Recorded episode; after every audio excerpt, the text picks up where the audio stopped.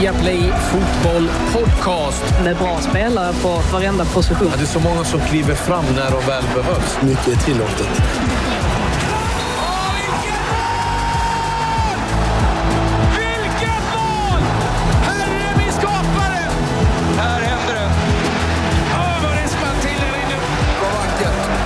Nej, bästa dagen på året.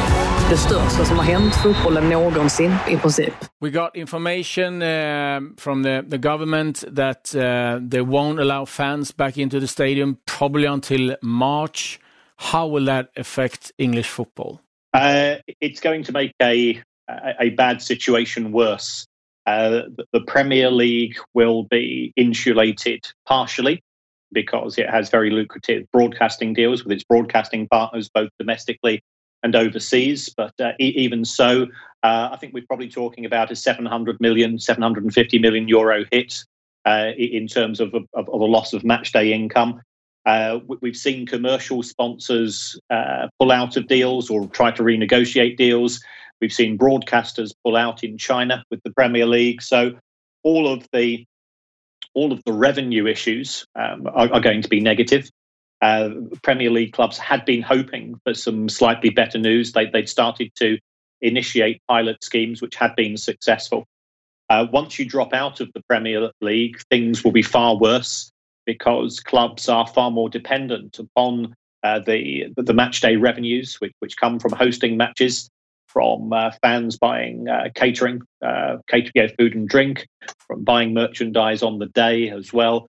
Uh, so uh, in the in the EFL, which consists of 72 clubs, some of those clubs, half of their revenue is is coming from match day, and, and it will be a big hit. And once you drop out of the the main 92 clubs, we've still got professional full time clubs uh, in what's referred to as the National League. Um, that they've said that we're not they're not going to start playing football again. Uh, they were intending to return on the third of October, and we've got no idea when football is going to resume at, at that particular level. Do you fear that clubs going bust? Yes, uh, we saw Macclesfield Town, which ultimately is, is a small club. Uh, it was relegated from the EFL uh, in, August, and it, when it went bust a couple of weeks later, uh, there are clubs who are presently subject to winding up orders in court. Um, and, and, those are due to, to come to fruition over the course of the next few weeks. Uh, fans are trying to uh, raise money through you know, GoFundMe schemes and things of that nature, but I suspect that will be a drop in the ocean.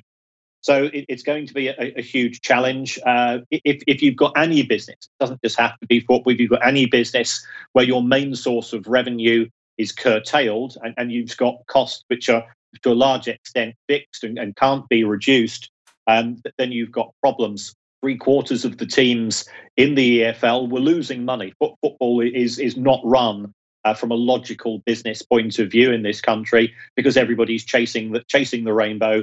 They're they're trying to get promoted, and, and that comes at a cost in terms of wages and transfer fees.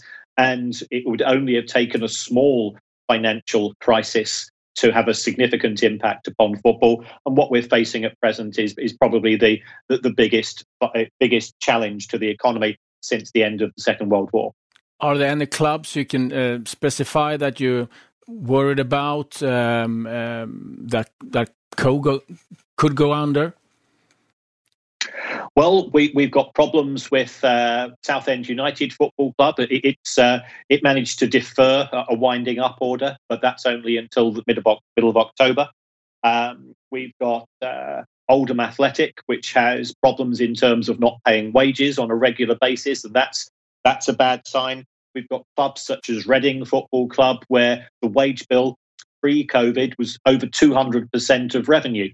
So it was reliant upon owners. Now, the owners are Chinese. Uh, we, we, have seen Chinese investors uh, show a bit of reluctance uh, as, as, far as their involvement with English football um, over the course of the last few months. So if they decide to, to withdraw their support, then, then that could be a problem. We've got Wigan Athletic, who are currently in administration. There's no guarantee that they'll come out of administration successfully. If that is the case, the, the club will be wound up. So you know, those are just a few examples. Um, if, if, you start to go into the, the intricacies of the finances of, uh, of football here in the UK, uh, th- things are looking very poor. How much money is Premier League losing right now?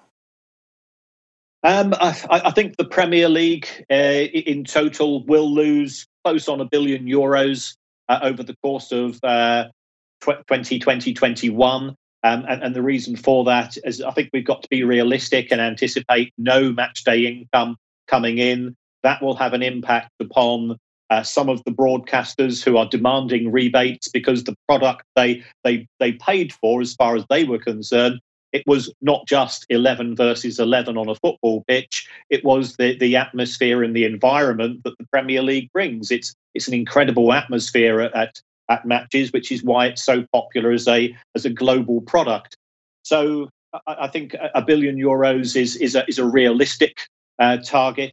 Um, we don't know what's going to happen in terms of whether matches will uh, have to be abandoned altogether if if the if the COVID issues uh, are amplified and the government decides to uh, introduce even further, more draconian rules. So I, I think clubs are, are, are very, very concerned. Um, you know, talking to people in the industry, they are doing all they can to to cut costs, but the biggest cost in football is player wages, and that's the one thing which they're very reluctant to discuss because uh, players could legitimately claim that if clubs try to cut wages, they're in breach of contract. And this would mean that you know the players who are worth multi millions of euros, um, they would be able to walk to another club free of charge. When when you look at this pandemic, uh, pandemic and and the the economic um, um, crisis that's coming with it, at the same time you see clubs spending quite a lot of money on on, on transfers, they um, doubling players' wages. Uh, then you start wondering are they financially hit or uh, what's the consequence? Because it's like two things at the same time is happening. Yes, tr- trying to reconcile the, the, the fairly significant spending by some clubs with the issues of the pandemic is a challenge. But I think you you really have to focus upon the the business models that some clubs operate under. Um, if, if we take a look at Chelsea, who have been by far the biggest spenders across the whole of Europe, um, this summer. Uh, they are owned by Roman Abramovich. He is a, a multi billionaire. Uh, he sold one of his businesses for around about 1.5 billion uh, over the course of the summer. He, he was able to go out and buy Munch's Scream, you know, the famous painting, for a huge sum of money. So he's therefore in a position to to treat Chelsea Football Club not as a business, but as an executive toy. It's a trophy asset to him, and, and therefore he, he operates it on, upon on, on those um, on, on those rationales, on, on those economic principles. The same is true to an extent at Manchester City. City have very wealthy owners. That their focus has always been on winning trophies and, and, and sort of the, the, finances of the game, whilst they try to operate within the rules, have always been of secondary importance. So, so clubs of that nature um, have been willing to spend money because they've got the owners backing and the owners have got independent wealth from the sport itself. Those clubs that are dependent upon the revenues of football solely as a means of, of funding player acquisitions and player wages have struggled. And we have seen many clubs being very, very quiet over the course of the summer.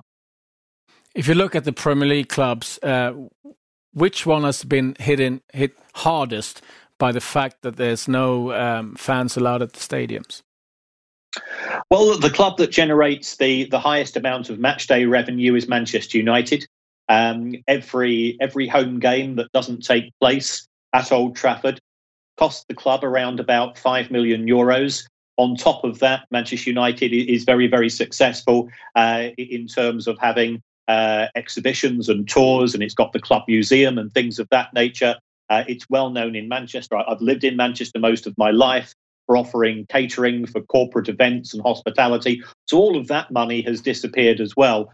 So, so United have been hit, but they are cushioned by the fact that they're they're a global brand and they're very popular with sponsors. Um, that they have, of course, you know, the, the benefits of, of a huge fan base who will still buy some of the merchandise, but they will be hit hard, as will Spurs, Arsenal, and Liverpool, uh, who also have very significant revenues generated on a regu- on on a regular weekday basis um, from from match day attendances.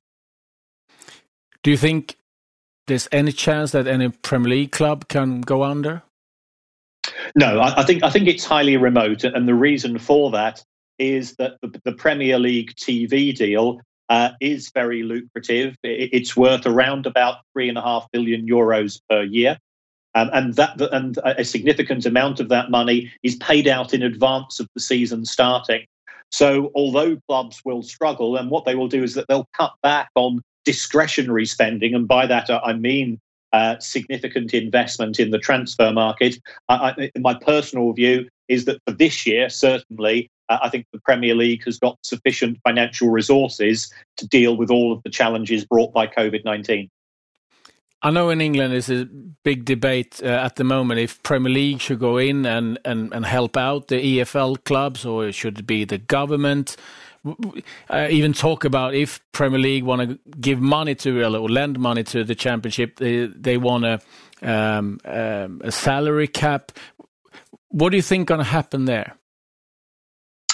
Um, the, the, government uh, doesn't want to be seen to be subsidising football uh, because it, it is an industry where uh, players' wages attract an awful lot of scrutiny here in the UK, um, and it seems difficult to justify government support for people who are earning millions of euros a year um, from from the game um, as a result of owners agreeing to unsustainable wage levels.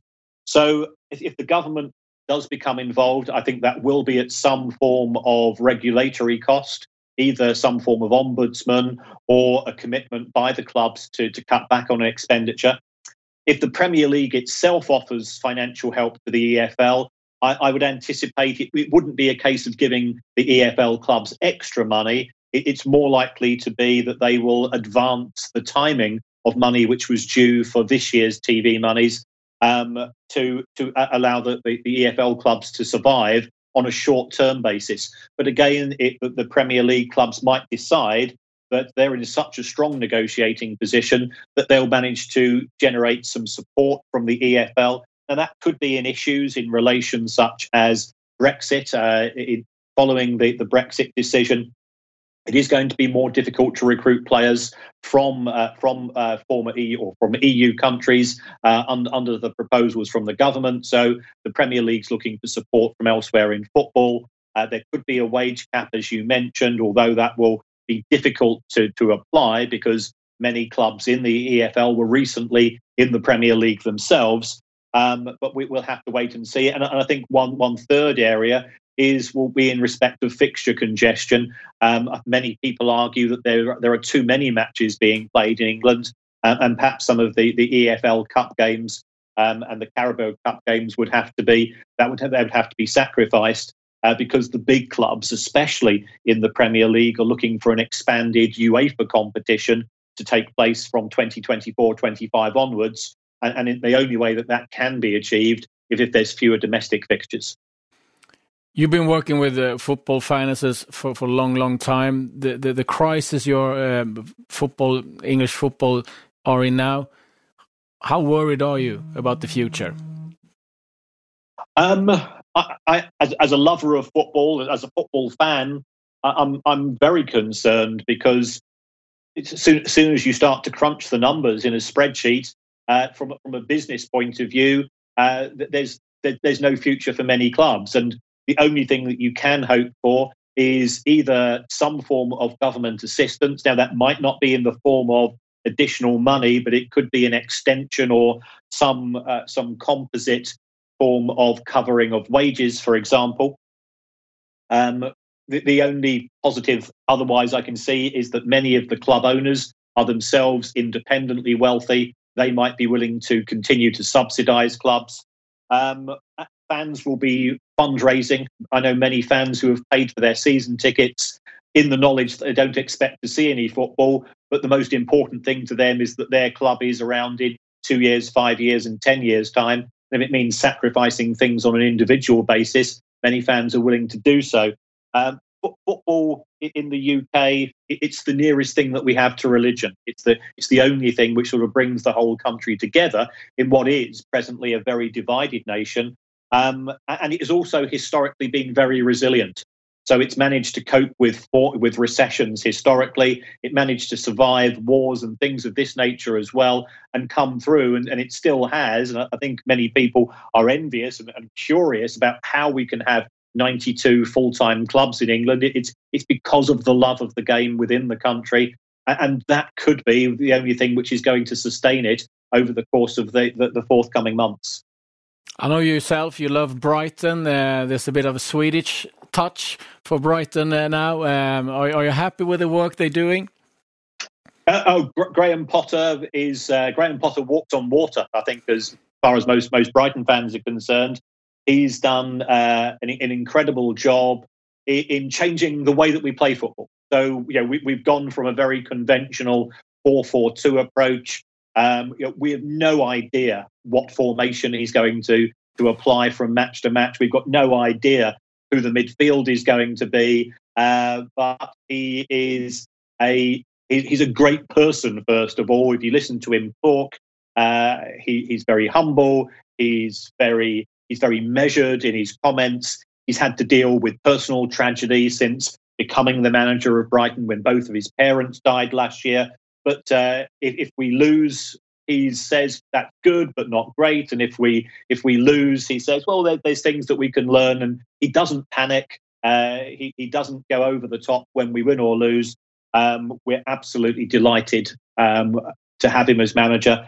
And uh, you know we're, we're hoping we're going to progress this season with him having had the chance to to get his feet under the table and establish his philosophy of football at the club Thank you for taking your time. Best of luck uh, on uh, the game against Manchester United. I think you, you you're facing now, uh, and uh, um, hopefully we can talk to you a bit later on during the season. Hopefully with some more good news instead of um, this uh, gloom and doom that we are in at the moment.